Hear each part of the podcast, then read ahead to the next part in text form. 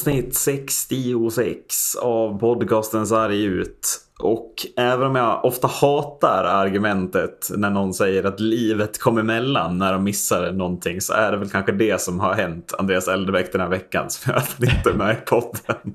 Eller vad säger du Marcus? Ja, ja det, han har eh, olika anledningar. Han, gör. han har grejer så att säga. det Precis. känns som att vi har sagt flera gånger att ja, det är flytt. ja, det, men det är flytt den här gången också. Den här gången också, så. ja precis. Ja, det Eh. är...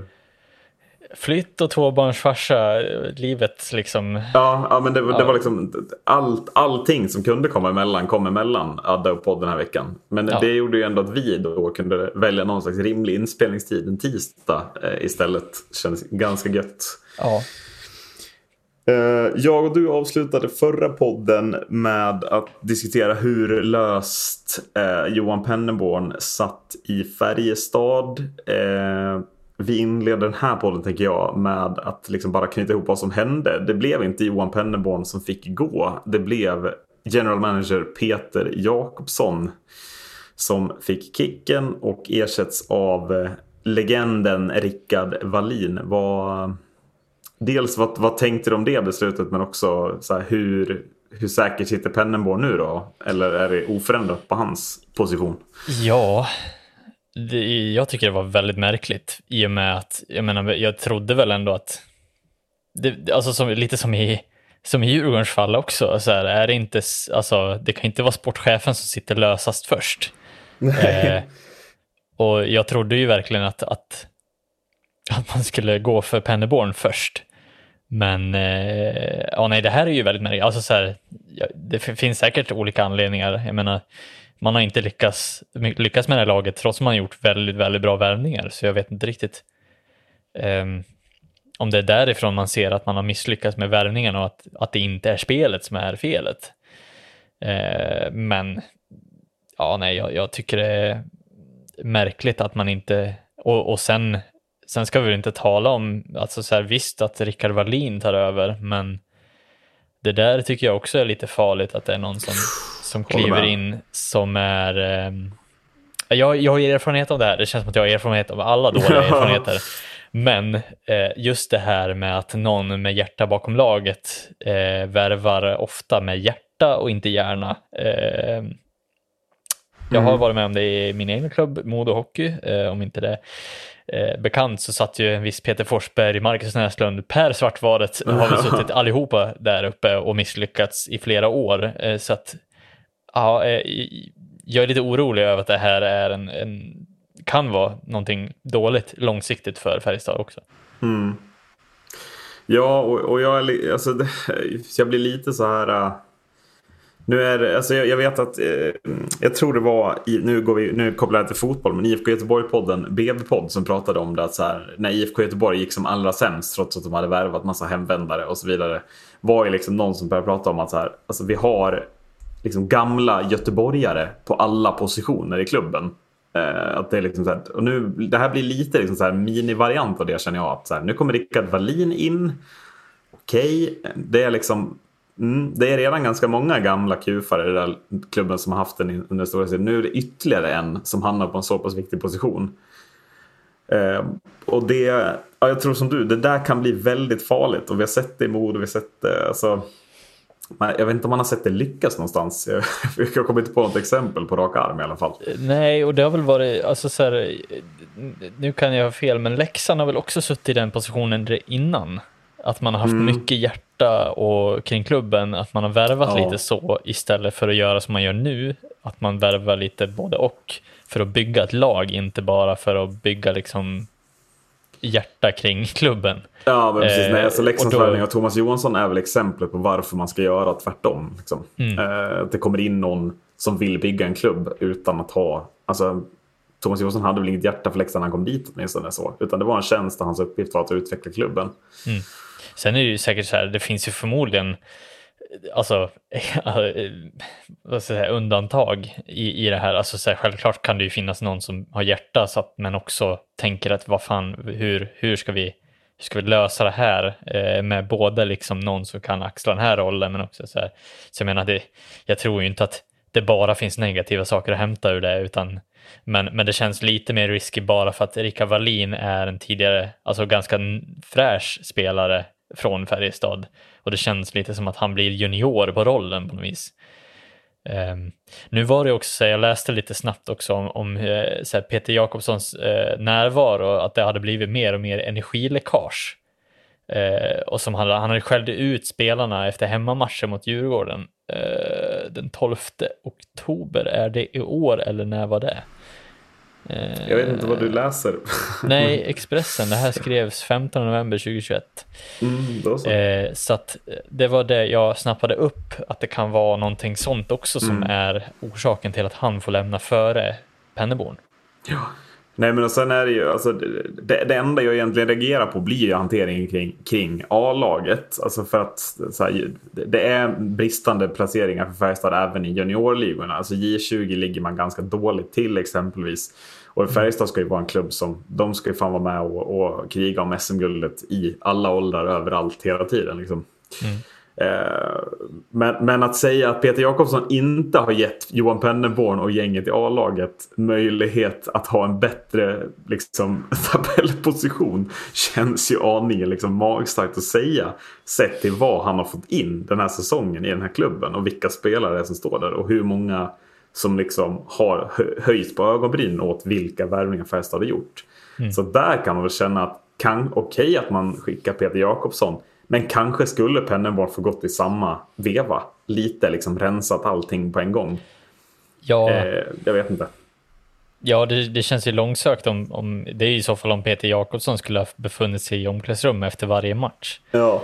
Men jag tycker det känns långsökt om det ska vara det som är orsaken till att spelarna inte lyckas prestera på isen. Nej, jag håller med. Eh, visst att det kan, det kan ju alltid vara den här, du vet den här känslan som finns i vissa klubbar att det är, så här, ja, det är någonting som känns fel bakom dörrarna liksom. Mm. Så, eh, givetvis kan det vara den känslan, men det känns ändå som att fan, så här dåligt som Färjestad presterat ändå så känns det ju ofattbart att det skulle bara vara Peter Jakobssons fel. Eh, men ja, jag vet inte, man vet ju inte vad som har hänt bakom, bakom dörrarna där egentligen. Nej, men, nej, men så är det ju. Och, och sen liksom, det sker också i ett läge alltså, som blir lite så här. Det, det kommer tre hemmamatcher nu på fyra dagar. Och visst, det är, det är Rögle, Luleå och Malmö som kommer på besök. Det är, liksom in, det är inte Timrå, Djurgården och Brynäs. Det fattar jag också. Men det är fortfarande tre hemmamatcher mot lag som många har tippat eh, ändå ska vara bakom Färjestad. Eh, framförallt Malmö och Rögle var väl inte många som trodde, utan det var väl egentligen bara Luleå många trodde skulle kunna utmana Färjestad överhuvudtaget. Podcasten sarg ut, en av dem. Ju. Alltså att så här, nu kommer det ju vara krav på förändrat spel trots att det enda som har skett kring laget är egentligen att den som värvar alla spelare inte är kvar. Utan nu står man där med exakt samma spelarmaterial och exakt samma tränare som inledde säsongen.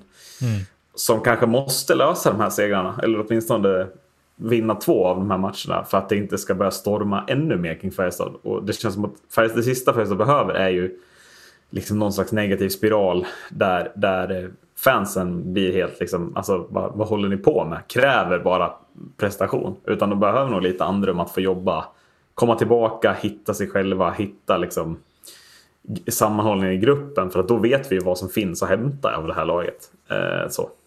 Mm. Ja, det ska ju vara att det blir någon form av boll i rullning. Att man, man känner att det händer någonting. Typ som att ta ut målisen eller byta målis. Liksom att så här, ja, nu händer det någonting Ja. i klubben och vi känner av det också. Så här, att det blir någon effekt. Eh, Det vet man ju aldrig om det blir en psykologisk effekt bara. Men eh, ja, nej, det känns ju som att det börjar hända någonting. För nu har man, ändå, man har ändå stärkt upp den enda svaghet som vi, eller som ni tyckte var inför säsongen. Jag tycker ändå Haukeland, Haukeland borde ha fått en liten chans till. Men Furch som ändå kom, in och såg jävligt bra ut. Och ändå så lyckas de inte Eh, rosa marknaden överhuvudtaget ändå. Nej, verkligen. Nej, och det är ju... Färjestad, det är ju ett lag som in, alltså där är det en stark fanskara. Alltså de, för men får Färjestad med sig sina supportrar då vet vi hur tufft det är att åka till Karlstad.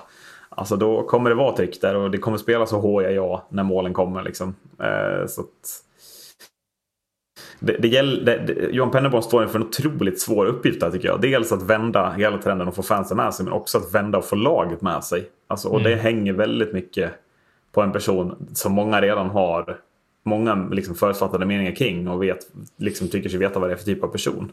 Mm. Lite hockeykultur snackade vi om här för några veckor sedan också. Eh, du nämnde bland annat att Robin Lehner liksom stod, stod själv på barrikaderna. Vi pratade om det om efter att eh, det kom fram det här med Chicago Blackhawks organisation och eh, Kyle Beach. Eh, hela den intervjun. Eh, det fortsätter hända grejer kan man säga. Det där satte något i rullning och vi ser den ena efter den andra prata, prata om liksom grejer som händer utanför isen, Macke. Mm.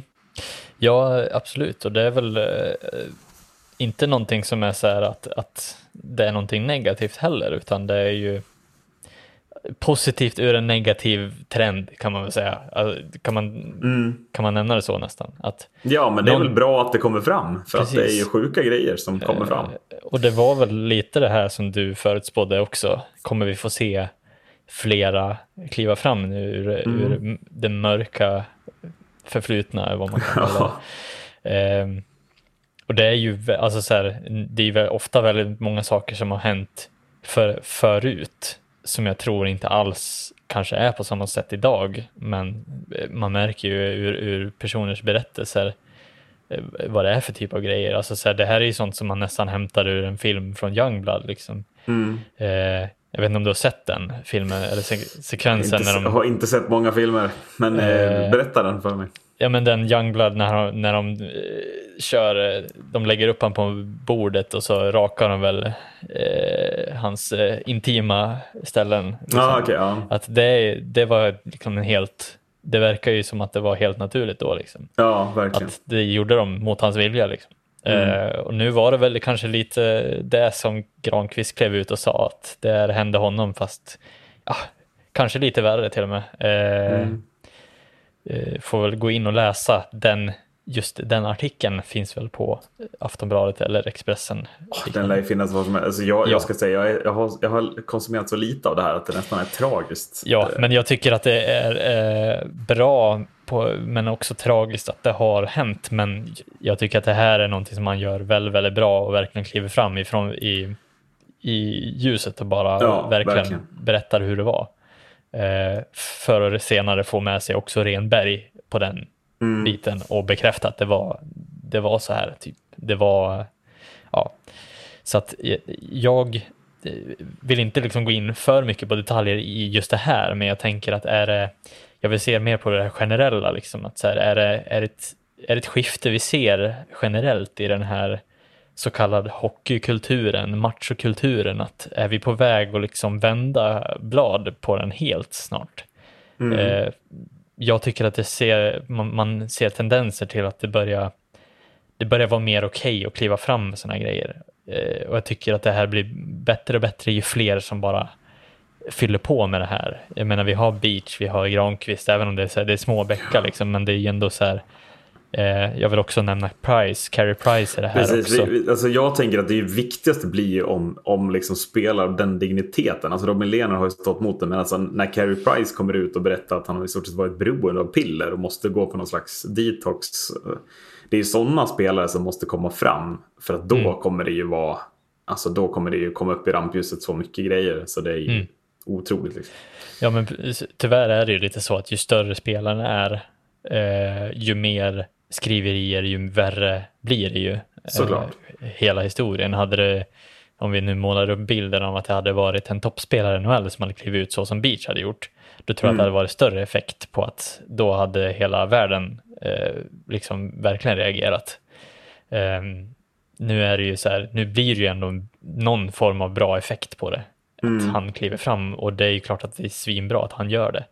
För det blir ju i, ja, i sin tur att det blir... Men om man bara ser till liksom det generella medielandskapet så är det ju klart att hade det varit eh, Jonathan Taves eller Patrick Kane som hade gått ut och berättat där vad som hände. Och att mm. det tystades ner för att de skulle... Nu, nu var ju de en del av historien och Taves hjälpte väl till på något sätt att, att tysta ner det hela. Så det, där blev det ju lite det som gav det fyllighet. Men det är, det är som säger, alltså om man ser till det här, ska, ska pillermissbruket inom hockeyn få ett stopp så måste ju spelare av digniteten Carey Price kliva fram och säga vi måste stoppa det här. Då, alltså, hade Kyle Beach klivit fram där så hade vi sett en betydligt mindre effekt. Det, det är mycket mindre infekterat än vad det är gällande sexuella övergrepp tycker jag.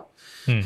Och, och nu tror jag ju liksom att det har blivit eh, just det här med de här typen av händelser som Granqvist och Renberg pratar om och Beach eh, har haft känns det som jag hoppas verkligen att det är någonting som har varit mer i det förflutna och inte är lika mycket idag. Eh, för jag har absolut ingen insyn i det idag. Eh, jag har ju bara, ja, när var det jag?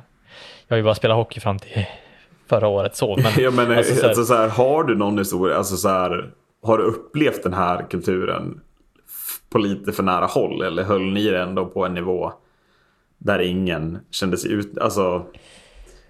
Alltså jag jag kan inte säga att det har varit så pass illa som, som det har beskrivits i, i de här fallen. Absolut Nej. inte. Och jag har inte upplevt någonting som har varit så illa. Sen är det klart att det har varit händelser som kanske man ser tillbaks på nu som, som kanske inte ja men det, det kanske inte var bra att det var så. Nej, alltså. Så här, att det finns eh, vissa saker som så här, alltså bara som ett rykte liksom att eh, typ hur det är i, i hockeyspelarduschen. Liksom. Så det var ju till och med andra sporter som hörde liksom rykten om att ja, men det är riktigt illa i, i de ja, sammanhangen. Och, och jag menar, det är klart att nu var det ingenting som var extremt, men det är ju klart att det blir ju någon form av eh, machogrej för vissa som är lite mera utåt eh, och öppna liksom att de kanske tar över eh, och, och, säger lite värre saker eller ja, typ flyttar på de spelare de känner för att här ska du inte stå utan ja. Nej, men alltså, det, det, det, det, är klart att det finns och jag vet inte hur det ser ut idag men för ett bra tag sedan så var det ju liksom det var ju bara någonting som var så. Alltså så här, mm. det, det, är ingenting man har, var, ingenting man reflekterar över då. Det var nej, bara, nej, liksom, men precis. Um, och jag, jag var ju ingen som, jag var ju inte den som hördes eller syntes mest i omklädningsrummet. Jag var ju bara den som så här, var låg i bakgrunden och bara var liksom ja. en i mängden. Men ja, nej, alltså så här, jag hoppas verkligen att vi får se liksom någon form av att, att det börjar vara mer det här att man eh, ser över hur är arbetsplatsen för de här spelarna.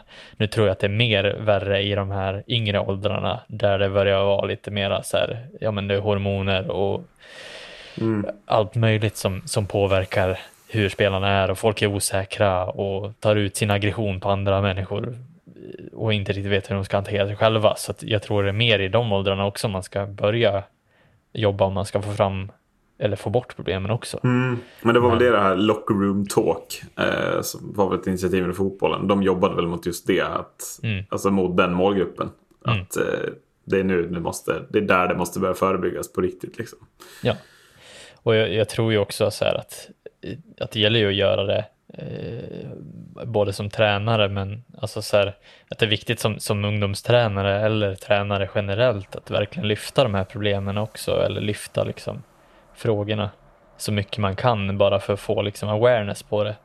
För det är ju inte säkert att man kommer att få fram problemen även om man lyfter så här som Granqvist gör, liksom att men man måste ju generellt skapa någon form av att säga att det är okej okay att, att, att du säger till. Liksom. Mm. För jag tror att mycket har varit den här tystnadskulturen också. Att, ja men det här hände och det är ingen som säger någonting för att ja men Nej, men den okay är väl den mest liksom, alltså den farliga i alla situationer. Alltså så här, mm. Price kommer ut nu och berättar om sitt pillermissbruk. Mm. Hur många år har han käkat piller? Han är över 30. Alltså det kan vara 10 år vi pratar om. Ja. Som det har varit tyst om det här. Likadant med Johan Franzén och Andreas Lilja, de här sådana har huvudproblem. Att det är så här, ja men det var ju bara att spela med hjärnskakning liksom. Mm. Eh, att det blir, att tystnadskulturen är väl det som är det farliga och vågar fler komma ut och berätta så kommer ju den försvinna. Mm. Något ja, annat är ju inte ja, rimligt att tro liksom. För jag menar, det är ju också det här, man glömmer ju lätt bort att även om de är proffs borta i Nordamerika så är de flesta går ju in som proffs redan när de är 19-20 år gamla. Så är det. Och det är bara att titta liksom på vilken annan bransch som helst. Jag menar hur många är det som går in som vd för ett företag eller vad som helst i den åldern. Det är ju i princip nästan den positionen man går in på. Eller nästan, alltså så här, det, det blir ju en väldigt utsatt position för väldigt mycket press, väldigt mycket liksom ansvar och i tidig ålder. Eh, mm. och, och sen liksom ha en chef som säger att du kan ta det här pillret så eh, kommer du tillbaka fortare. Liksom, så. Det, det, blir ju att man lyssnar ju på den personen och det blir jo, ju men så är det ju. Och, och det är ju så pressat att du har inte riktigt råd att bli skadad heller när du kommer upp och ska visa framfötterna för att bli en av dem som alltid kommer ut på isen i ett NHL-lag varje kväll. Mm. Utan du lär ju så fort, alltså du, du, du, du har ju så många fällor du kan gå i. Alltså här, ja, om jag tar det här pillret så kan jag spela även ikväll istället för att vila. Liksom. Alltså sådär. Mm. Eh, och det är ju så man hamnar i, i liksom, beroendet av pillerna. Att, eh, man tar dem så fort kroppen säger gör, gör minsta ont. Liksom. Mm, och i det här fallet så är det ju Price som är, ja men är det Montreals kanske bästa målis eh, på 2000-talet kanske. Men är, är det liksom inte Kanadas största målvakt ja. på typ 2000-talet? Alltså är det inte där vi börjar röra oss vad gäller honom? Han vinner ja. OS-guldet och, och, så vidare. Jag tänker bara att det är Patrick Raw som, som hotar honom ja, kring men kring han är den. ju mer 90-tal, är han inte det? Ändå. Jo, ja, men precis. Liksom. Uh, och alltså, det är ju en, förmodligen en enorm press på att han ska vara, han har ju varit Montreals ohotat första målis väldigt länge. Mm. Eh, och det kan ju också, i, alltså så här, att han känner någonstans att ah, jag når inte upp till den nivå jag brukade vara på och så sen börjar ta, ja ah, shit, kroppen börjar göra ont, jag måste spela eh, piller och så sen så blir man beroende liksom. Mm. Så att det finns ju många ingångar troligtvis till, till varför, men det kan ju också vara pressen bara generellt som gjort att ja, men så han har tagit hjälp av det här hjälpprogrammet som NHL har, som NHL PA har, va? som är deras ja, eh, NLPA. PA. Eller är väl liksom, alltså det är Players Association, det är de som, mm. som fundar det på något sätt som jag förstår det. Mm. Samma program som också Connor Ingram gick in i direkt efter den här omtalade matchen mot Björklöven, Björklöven-Mora. Mm. Eh, efter att han åkte hem så gick han direkt in i det här programmet. Alltså man får väl ändå, alltså där får man väl säga så här, Ingrams sejour i, i Sverige överhuvudtaget. Alltså han var ju fan klappusel liksom, i många matcher och sen är väl nu ordinarie målvakt i liksom, NHL. Mm. Uh, att, att, att, det var ju någonting som, alltså han mådde ju skit verkligen. Mm. Uh, så det, det är ju också, titta ja, vad det gjort för honom. Ja, precis. Förmodligen redan innan han kom till, till Sverige ja, också. Ja, vad skulle han och göra var väl känslan. Han måste ja. ju vara så ensam stackarn. Ja, och sen liksom, eh, vad heter det, grädde på moset då, så får han ju också anklagan för att det är han som ligger bakom matchfixningen. Ja, är, ja visst. Och får en massa hot och hat mm. på, på Twitter från svenskt håll liksom så här, och helt plötsligt raserar ju förmodligen hela hans värld. ja. Som han liksom så här, redan var på väg att rasa kanske. Ja. Nu är det ju bara spekulationer, men det, det måste ju ha varit en del av det till att varför han skrev in sig direkt efter. För jag tror inte, oj, nu slår jag. Eh, vad heter det, att eh, jag tror inte att man har hört så jävla mycket om det här i, på svenskt håll, eller från svenskt håll egentligen, att han skrev, skrevs in på det här. Nej det, nej, det tror jag inte heller. Och, och jag, jag, tror att, att alltså så här, det viktigaste kan jag känna är ju att om det blev Ingrams tipping point. Alltså, ba, alltså om, bara hoppas alla som når sin tipping point skriver in sig. Jag är inte ens säker på att det är 10% som gör det. Liksom. Utan det, det, är någonstans en styrka från Ingram också. Att så här, men jag behöver hjälp. Det, det, alltså så här, det hjälper inte att spela mer hockey eller få speltid. Liksom. Det är något annat jag behöver hjälp med. Mm. Och det är väl dit jag lite vill landa nu i, om vi ska eh, avrunda det här eh, ja. lite, att, att det är inte negativt att vi får se fler och fler fall. Det är mer positivt att vi får se folk som kliver fram för att det är bättre att de landar där i att de kliver fram än att det blir en värre utgång mm. för spelaren i sig. Alltså så här, jag, jag tror ju att det är mycket bättre att vi får se det här att ja men vi ser Beach kliva fram, vi ser Granqvist kliva fram, Renberg kliva fram, Carey Price skriver officiellt ut mot sina fans allting, jag har klivit in i det här programmet, eh, jag behöver hjälp. Man, istället ja, för att man nej, men bara och sen första av alla var ju alltså, någonstans Johan Franzén att kliva fram också. Det tycker mm. man inte får glömma att Franzén har gjort så många intervjuer trots att han knappt kan vara i ett ljust rum. Liksom. Mm. Eh, och det där så jag tror inte man bara, när den här historien liksom skrivs på riktigt att det här var året kanske då, då någonting hände och fokuset utanför isen blev större än på isen. Så hoppas jag inte att man glömmer Johan Franzén. när den historien skrivs någonstans. Liksom. Mm. Ja, ja, den är eh, otroligt stark. Alltså, Ja, här, jo, när man verkligen. fick se det här med Johan Franzén. Det var väl ett inslag också, Ja, det, det är väl ett känt. Jag tror det är Sportspegeln, det klassiska programmet. Där, Mm. där det är liksom ett jättelångt inslag. Jag vet inte om det är vem det är som träffar honom. Eh, Mm. Jag minns bara att jag såg det och det, är liksom, det, det sitter präntat där någonstans Mm. i en annars ganska rörig hjärna. Liksom. Mm. Då får man ju lite perspektiv på hur illa det faktiskt kan, kan bli i, Mm. om, om, inte, om vi inte värnar om varandra också på isen. Liksom. Ja, men så är det Eh, ju. Och värnar om spelare som kanske inte ska spelas eh, tidigare. Eller spelas eh, när de är skadade. Nej, nej men verkligen. Och framförallt när det gäller huvudet ju. Alltså, Ja, definitivt. det, men, men tror du att vi kommer kunna summera 21-22 som säsongen då spelet på isen inte blev lika viktigt längre? Eh, lite. Alltså det känns som att det har varit så många grejer nu med det är Price, Lena är ute och svingar. Kyle Beach, alltså det, det hinner ju hända mycket fler saker. Noel har knappt spelat 30 matcher liksom. Mm. Jag, jag tycker bara att det här är en början på en dörr som öppnas på vid gavel bara. Eh, Ja. Jag tycker fortfarande det finns problem kvar kring vikthet, alltså viktens hets. Vikt, alltså, Åt båda håll också. Ja, inte, man, alltså, inte bara att man ska vara liksom tränad och sådana grejer. Utan också att Mm. man ska, alltså, man, det, det är inte okej att väga för precis. lite typ. Och jag, jag drar tillbaka till bara som senast inför i år så var det snack om Elias Petterssons vikt inför Mm. säsongen. Det är flera reportrar som ifrågasätter eh, och han ryter ifrån på presskonferens och säger har vi inte pratat klart om det här nu? Eh, jag tycker fortfarande att det finns problem att, att plocka fram ur hockeyn som fortfarande, jag ser inte ett problem att väga mindre och vara mindre spelare i dagens hockey för att det känns som att jag tror att vi har gått förbi det stadiet nu. Mm. Alltså så här, Mm. Vi ser många duktiga hockeyspelare som är små. Vi ser många ho- duktiga hockeyspelare som är väldigt stora. Alltså så här, och de, det är ju ingen som, som är liksom, har en mindre fördel. De utnyttjar ju sina styrkor istället.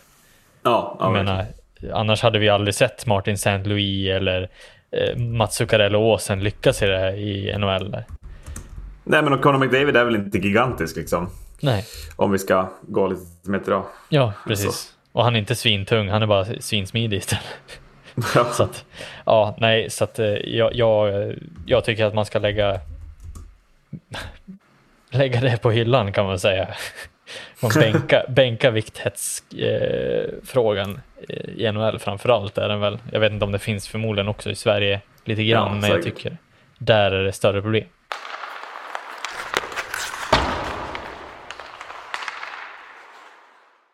Veckans sarg ut då. Ehm, jag väljer att ge den till fenomenet Eurohockey Tour. Eh, ur, eller rättare sagt sättet man väljer att spela Eurohockey Tour på.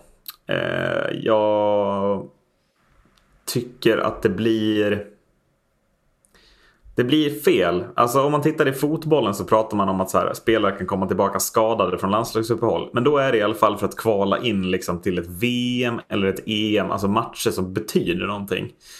Men när Leksand nu får tillbaks två skadade spelare från Karjala Cup. En turnering som inte betyder någonting. Så känner jag att klubbarna får lida lite väl mycket av landslagsspel under säsong. Eh, och jag känner att vi behöver hitta eller Eurohockey Tour behöver hitta en lösning för att undvika den här typen. För att de klarar inte riktigt den kritiken. Det är liksom eh, Eurohockey Tour får för mycket skit redan. Så att det här behöver man hitta ett sätt att undvika att, att lag råkar så pass illa ut om man får en skada under turneringen.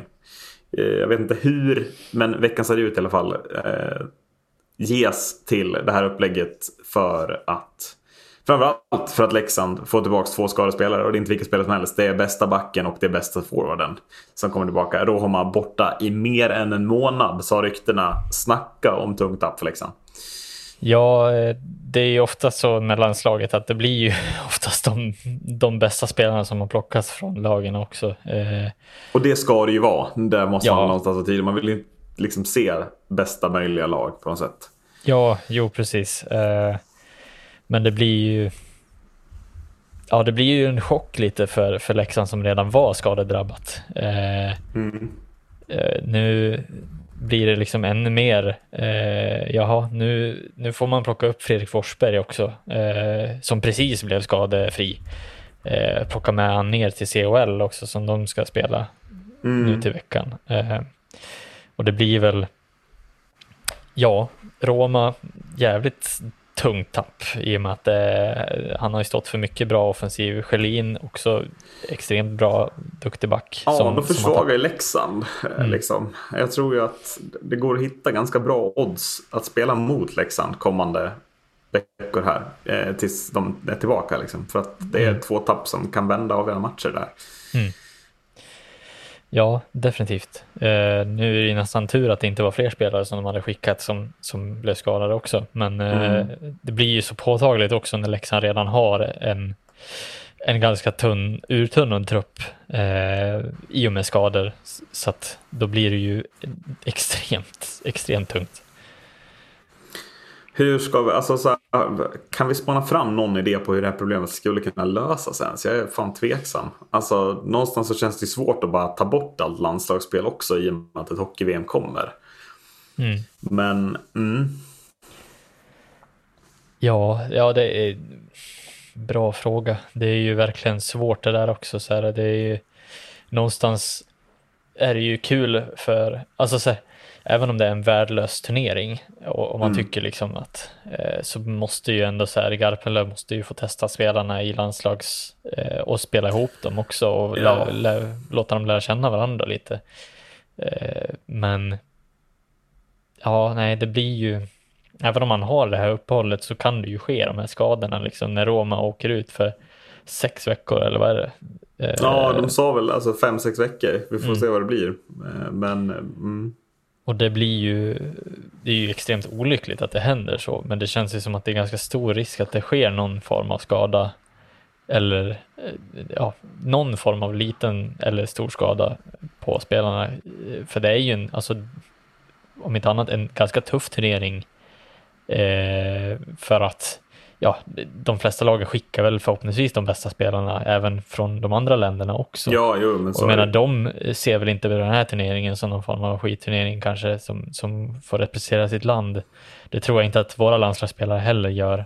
De åker ju inte dit på en halv skridsko, då tror jag inte man får spela. Nej, men så är det. De vill ju spela det VMet, många ja. av dem. Liksom. Eh, nej, jag är mest bara inne på, kan man liksom förlänga landslagsuppehållen? Kan man lägga mer landslagsmatcher samtidigt?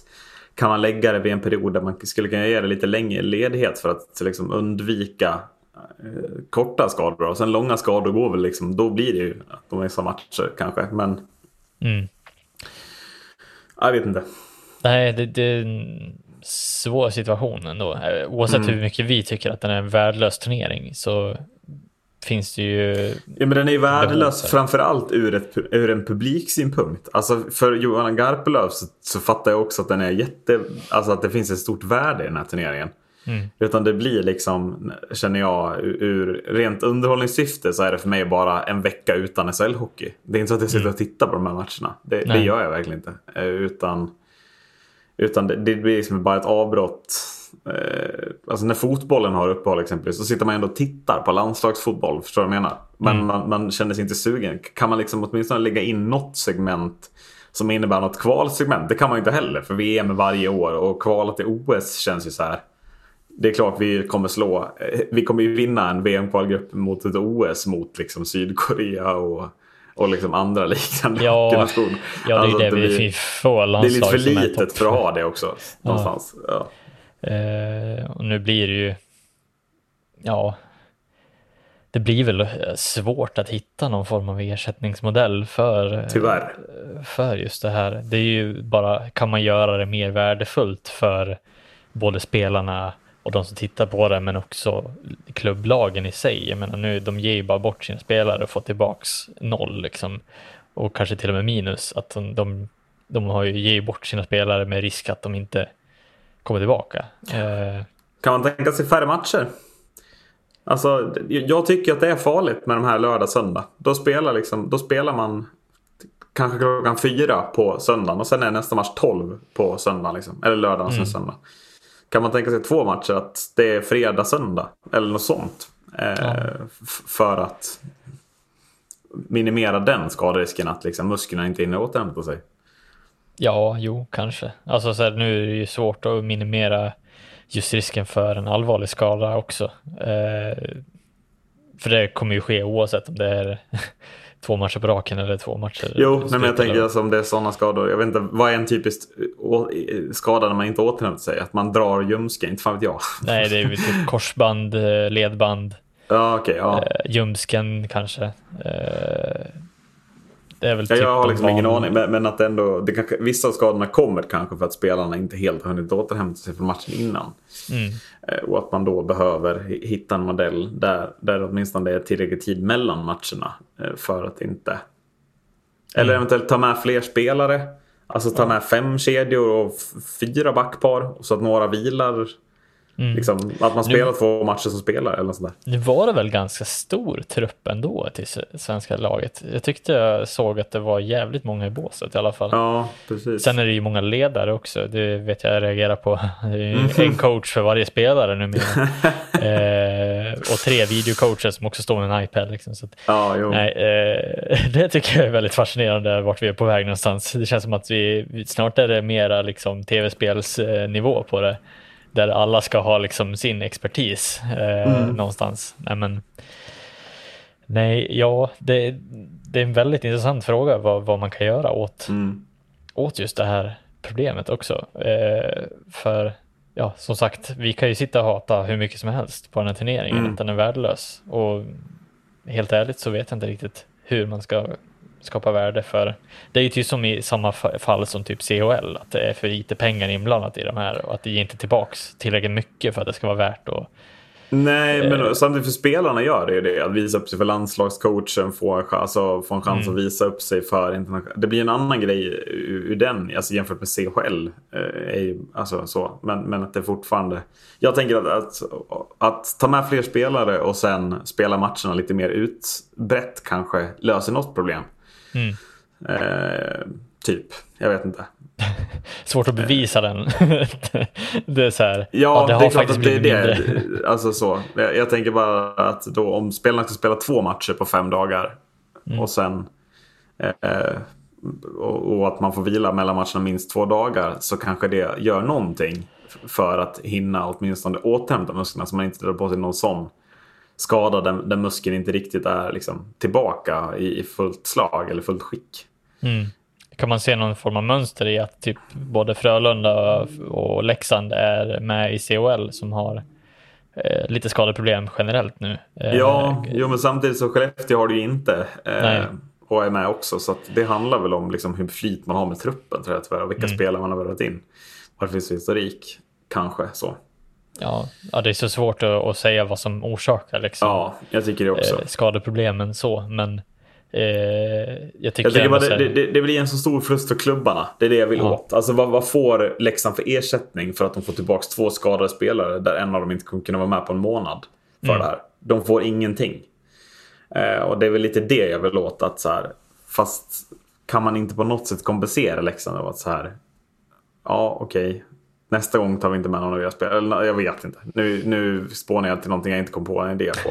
Men, vi, vet ju inte, vi vet ju inte heller om de inte får någonting. De kanske får en jättestort paket av Ja, precis. En chokladask. Ja, en julkalender kommer landa, landa på, landa på Tjommes bord där. Ja, men Förlåt står det med stora bokstäver från Garpenlöv. Visst finns det en sån, sån här Marabou-box som det står förlåt på? Jag tror fan det. Typ ett blått band. Förlåt mig. Roma, sex månader. Ja, ja nej. Eh, Ja, nej, det, vi får väl alltså... Vi får hålla den öppen helt enkelt. Om det är Om någon det som har en lösning lärde hur man ska göra. Men veckans ut går i alla fall till konceptet eh, när det leder till, till skador eh, som försvagar ett lag på det sättet. Vi trodde att det var slut på urdumma lån den här säsongen kanske. Att Daniel Ljunggren exemplet satte någon slags... Eh, ja, någon slags exempel på hur man inte ska göra eller hur, var, vad man inte borde göra. Men eh, nej, Chi fick vi. Eh, veckan efter så skickar Timrå eh, en spelare till Frölunda. Eh, som alltså spelar i samma serie. Hard, alltså, vad är det som händer här? Jag vet. Ja. ja.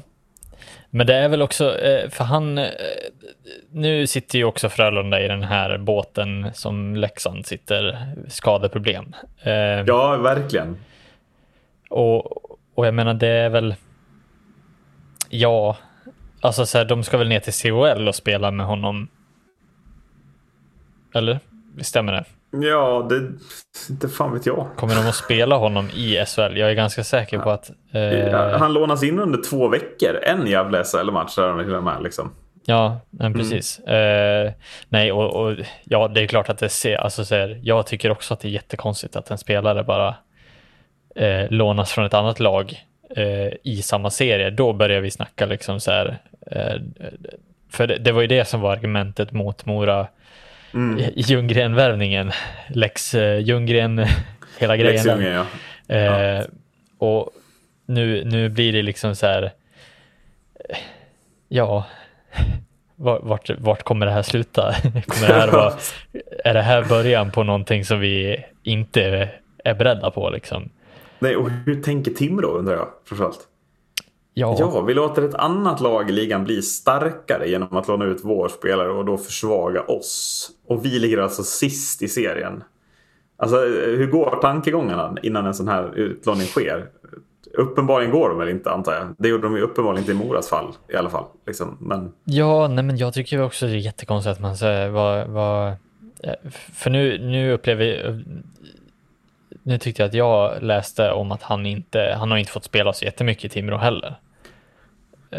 Nej. Men samtidigt, vad ska han då till Frölunda göra? Ja. Det är ju, alltså så är det inte bättre att, att lyfta ner honom eh, och ge honom mm. speltid i en klubb där han faktiskt får vara lite drivande i, men ska han upp och driva Frölunda nu bara när han suttit bänk i Timrå? Det känns lite så här. Ja, visst, han kan väl få självförtroende för det, men det känns väldigt märkligt att göra det i samma serie, för då börjar det ju vara den här, det här argumentet att då är det ju två rivaliserande klubbar som rivaliserar om samma typ av pris eh, och samma typ av poäng i det här seriesystemet. Eller har man redan sett att Timrå är så pass dåliga att de inte kommer rivalisera till någonting alls, då Jo, och framförallt har Timrå sett så om sig själva. Att de inte tror på det längre. Det är liksom ändå rätt många omgångar kvar. Ja, så. precis. Vad skickar det för signaler till ja. sig själva och till fansen också? Um, nu har inte jag sett så mycket just kring den här, eh, om det har varit så mycket hat från varken supportersida eller, eller någonstans annars, men jag har sett debatten just att eh, den här räknas ju till en en av de två lånen nu som räknas in under Daniel Ljunggren också. Mm. Eh, så att jag tror väl ändå att man ser på den här lika illa som, om inte värre, än, än den som Ljunggren är. Eh, från annat håll då. Alltså så här, nu vet jag att du kommer ju se Ljunggren som mycket, mycket värre än du ser den här, men den är ju Nej, här... men inte om man ser rent på pappret. Jag, jag, tycker det är lika hål i huvudet, men det är hål i huvudet på olika sätt. För att hade, hade Mora lånat Daniel Ljunggren till Frölunda Eh, liksom för att då hjälper, då hade jag ändå så här. Mm, jag kan förstå, det kan finnas i Ljungrens kontrakt att han ska få prova SHL. I Moras fall så tycker jag liksom det stora hålet i huvudet är att, att man överhuvudtaget vågar spela med liksom Leksand på det sättet. Att det mm. är det stora problemet. Eh, sen, jag gillar inte de här lånen överhuvudtaget egentligen. Men, men jag kan ändå förstå det någonstans. Alltså, jag, jag, blir inte, jag orkar inte bli upprörd kring det. Så om det hade varit så. Men här känner jag lite att så här lån inom SHL. Alltså nej, det, det, måste fan vara förbjudet. Det måste in i, i liksom Man får inte låna mellan klubbarna. Då får Frölunda värva Jakob Olofsson. Och så får mm. han bli en Frölunda-spelare. Det, det, det, får liksom vara helt okej. Okay. Ja. Men, men, vi kan inte hålla på med den här liksom cirkusen att, att man hjälp, hjälps åt att ge spelare speltid när man krigar om samma tabellplaceringar. Samma liksom guld... Vad heter det? Lematt-pokal. Mm. Då, då, då, det går liksom inte ihop. Det kan inte vara logiskt att göra det. Utan då, då måste liksom, då får man låna ut till en klubb i, en, i liksom en, en serie lägre ner för att ge någon speltid eller till en annan liga. Eller så får liksom spelaren köpas, eh, alltså byta klubb, riva sitt kontrakt och skriva på ett nytt. Mm. Eh, någonstans så måste man liksom dra gränsen för vad som är rimligt och orimligt. Jag tycker den gränsen den är alldeles för, för otydlig och blurrig i många fall. Liksom. Ja, och här kan man ju verkligen argumentera för eh, Ja, men framförallt så tar man ju bort en del av, alltså som jag tycker är en del av sporten också, att pengar är ju också en del av så här, hur manager man eh, upp liksom så här, har man värvat bort hela budgeten så man inte har råd för någon form av komplettering under säsong eller har man räknat på en viss, liksom så här, eh, alltså räknar man inte alls med att det ska vara problem med skador under hela säsongen. Nej, och sen är det ju den här biten också, det här med juniorer. Alltså, mm. Frölunda har väl juniorer de också som mm. hade kunnat fylla platsen. Ja, vilket som förmodligen är den absolut billigaste lösningen för att helt plötsligt så bara ja. du, har, du har Frölunda som ändå har varit väldigt duktig på att mm. alltså så här, få fram juniorer. Eh, Men då vill man hålla J20-lagen intakta. Det är ju det mm. som blir problemet. Alltså kan man åka ur J20? Jag vet inte hur det fungerar. Ja, men, ja men det, kan du göra. Eh, jag tänker att J20 måste kanske vara en serie man inte kan åka ur. Är jag mm. rädd för är rädd att, att det måste bli en serie där man liksom kan, låna, kan låna upp spelare om man får skador i A-lagen för att utveckla spelare. För att annars så blir det att de blir kvar där och så blir det svårare att slå sig in i topplagen, upplever jag. Ja, där, där har du ju faktiskt någonting på spåren känns det som. Ja. Att det måste ju nästan vara någonting sånt som är problemet. Samma sak med Leksands också. Så här, ja att någonstans så har J20-tränaren sagt att nej, vi har inga fler att låna ut för då har inte vi ett lag att ställa upp med. Eh... Nej, man vill gärna vinna i J20. Att ja, det, blir, det blir prioriterat att man ska göra det bästa för att försöka vinna på båda ställen. Eh, att J20 måste bli så här, oh, det är inget som vi förlorar den här matchen. Eller så. Att mm. det är hela tiden utvecklingen som är vinsten på något sätt. Sen ska det finnas J20-slutspel och J20-guld och sådana grejer också, absolut. Precis, Men... för nu har du ju liksom så här, nu, nu tror jag att den översta J20-serien är ju delad i två, norra och södra. Vilket mm. är en serie som J20 är över det J20 allsvenskan eller ja, den högsta där alla de bästa J20-lagen spelar. Ja. Sen har du en J20 Elit som ligger under den serien som är mycket mera ja, det finns fler lag i den serien. Eh, J20 Elit under J20? Är det så ja, alltså okay. J20 Allsvenskan är bara de absolut bästa lagen från SHL-lagen liksom som är Okay. Eh, till exempel vi spelade ju J20 Elite, men det är ju inte högsta J20-serien i Sverige, utan det är näst högsta. ja. vi, och vi mötte ju typ Örebro som var bäst, absolut bäst i vår serie, men vi mötte ju mm. aldrig eh, Brynäs eller Leksand eller J20 Elite. Nej, och du spelade i Falun då liksom? Ja, Utan precis. det här är elitföreningarna? Okay, ja. ja, och då kan ju vi, har ju vi möjlighet att gå upp till den här serien samt att de har möjlighet att gå ner. Till exempel som Örebro som var överlägset i vår serie gick, ja. låg i vår serie och tog sig inte upp liksom i, nu tror jag okay. de gjorde det till slut. Ja. Men mm. ja, det blir ju det där som blir problemet, att seriesystemen där också är ett fakt För komplicerade, liksom. ja men precis. Ja att, att du har möjlighet att åka ner. För att om du tittar på typ Leksands lag eller Frölundas lag till exempel, att, att de kan åka ner. Nu, nu antar jag att det är lika som det har varit eh, som jag. Ja, ja det, det kör vi på. Kolla aldrig en bra story. Nej, precis. Det här kan vara helt fel och då är det fortfarande gå in i historien som, som ja, intressant. Historiskt vingslag. Men ja, i alla fall så, så finns alltså så här att det, det kan liksom inte vara så att de lagen ska kunna åka ner känns det som. För att de måste kunna bidra med att skicka upp spelare som nu i det här fallet Frölunda eh, begär.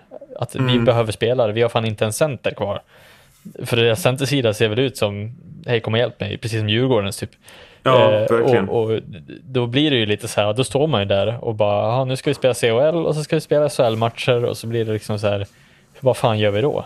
Mm. Eh, då blir ju kanske lån sista utvägen. Eh, jag tycker nästan att man skulle ha kollat marknaden för att stärka upp istället. Men det kanske är så att ekonomiskt så vill man inte för att man har förberett för någon annan typ av värvning som ska komma senare. Eller så är man rädd för att liksom gå ut på marknaden. Alltså för mm. att de spelarna när de är tillbaka så, så är de liksom på plats eh, och, och, ska, ska spela. Liksom, att man väntar på det. Eh, Det är väl egentligen bara Max Friberg som lär bli borta resten av säsongen för Frölunda antar jag. De andra kommer väl tillbaka. Ja, det, var, det blir väl inte så illa för Max Friberg? Nej, det vart inte det. Jag kan nej, nej, nej, det, han, eh, ja det kan ju vara, ja, men han skar väl upp. Han hade En hel fucking i alla muskel, fall. eller? Ja, Ja, precis. eh, ganska rejält skar han sig. Eh, men jag tror väl inte att det var hela säsongen. Jag kan ha fel också. Men, Nej, eh, men det tar alltså en skärskada tar ju lång tid. Man Mm. tänker att det bara ska läka ihop, men det där tar sån jävla tid. Och, och, I och för sig muskeln kanske måste byggas upp igen också. ja, för att, det, och, och, och liksom såret måste ju läka innan Ja. du kan liksom... Eh, men det Han är klart att måste ju känna att sig resten av hundra. säsongen kanske är, kanske är att ta i. ja, han måste ju känna sig 100% också innan han kliver på förmodligen. Mm. Eh, det är inte bara så här att man kliver in och bara, "Ja, nu kan jag stå på isen. Eh, så att, nej men, eh, jag tror ju att så här, någonstans kanske en lösning är i att man försöker eh, komprimera ihop eller flytta ihop J20-serierna mer till att J20 Elite är en, en högsta serie under på något vis. Ja, ja, men eller att J20, att, att de verkligen inte spelar samma dagar som, som eh, liksom Frölunda spelar. Förstår du? Mm. Eh, sen är det klart att J20 spelar ju ofta fredag, lördag, söndag. Ofta, alltså så. Eh, men, men då är man ändå tillgänglig för torsdagsmatchen och eventuellt tisdagsmatchen om det är så. Då blir det helgmatchen där man får gå lite kortare på folk eventuellt då. Eller något sånt. Eh, det kanske går att hitta liksom, lite bättre lösningar på sätt känner jag.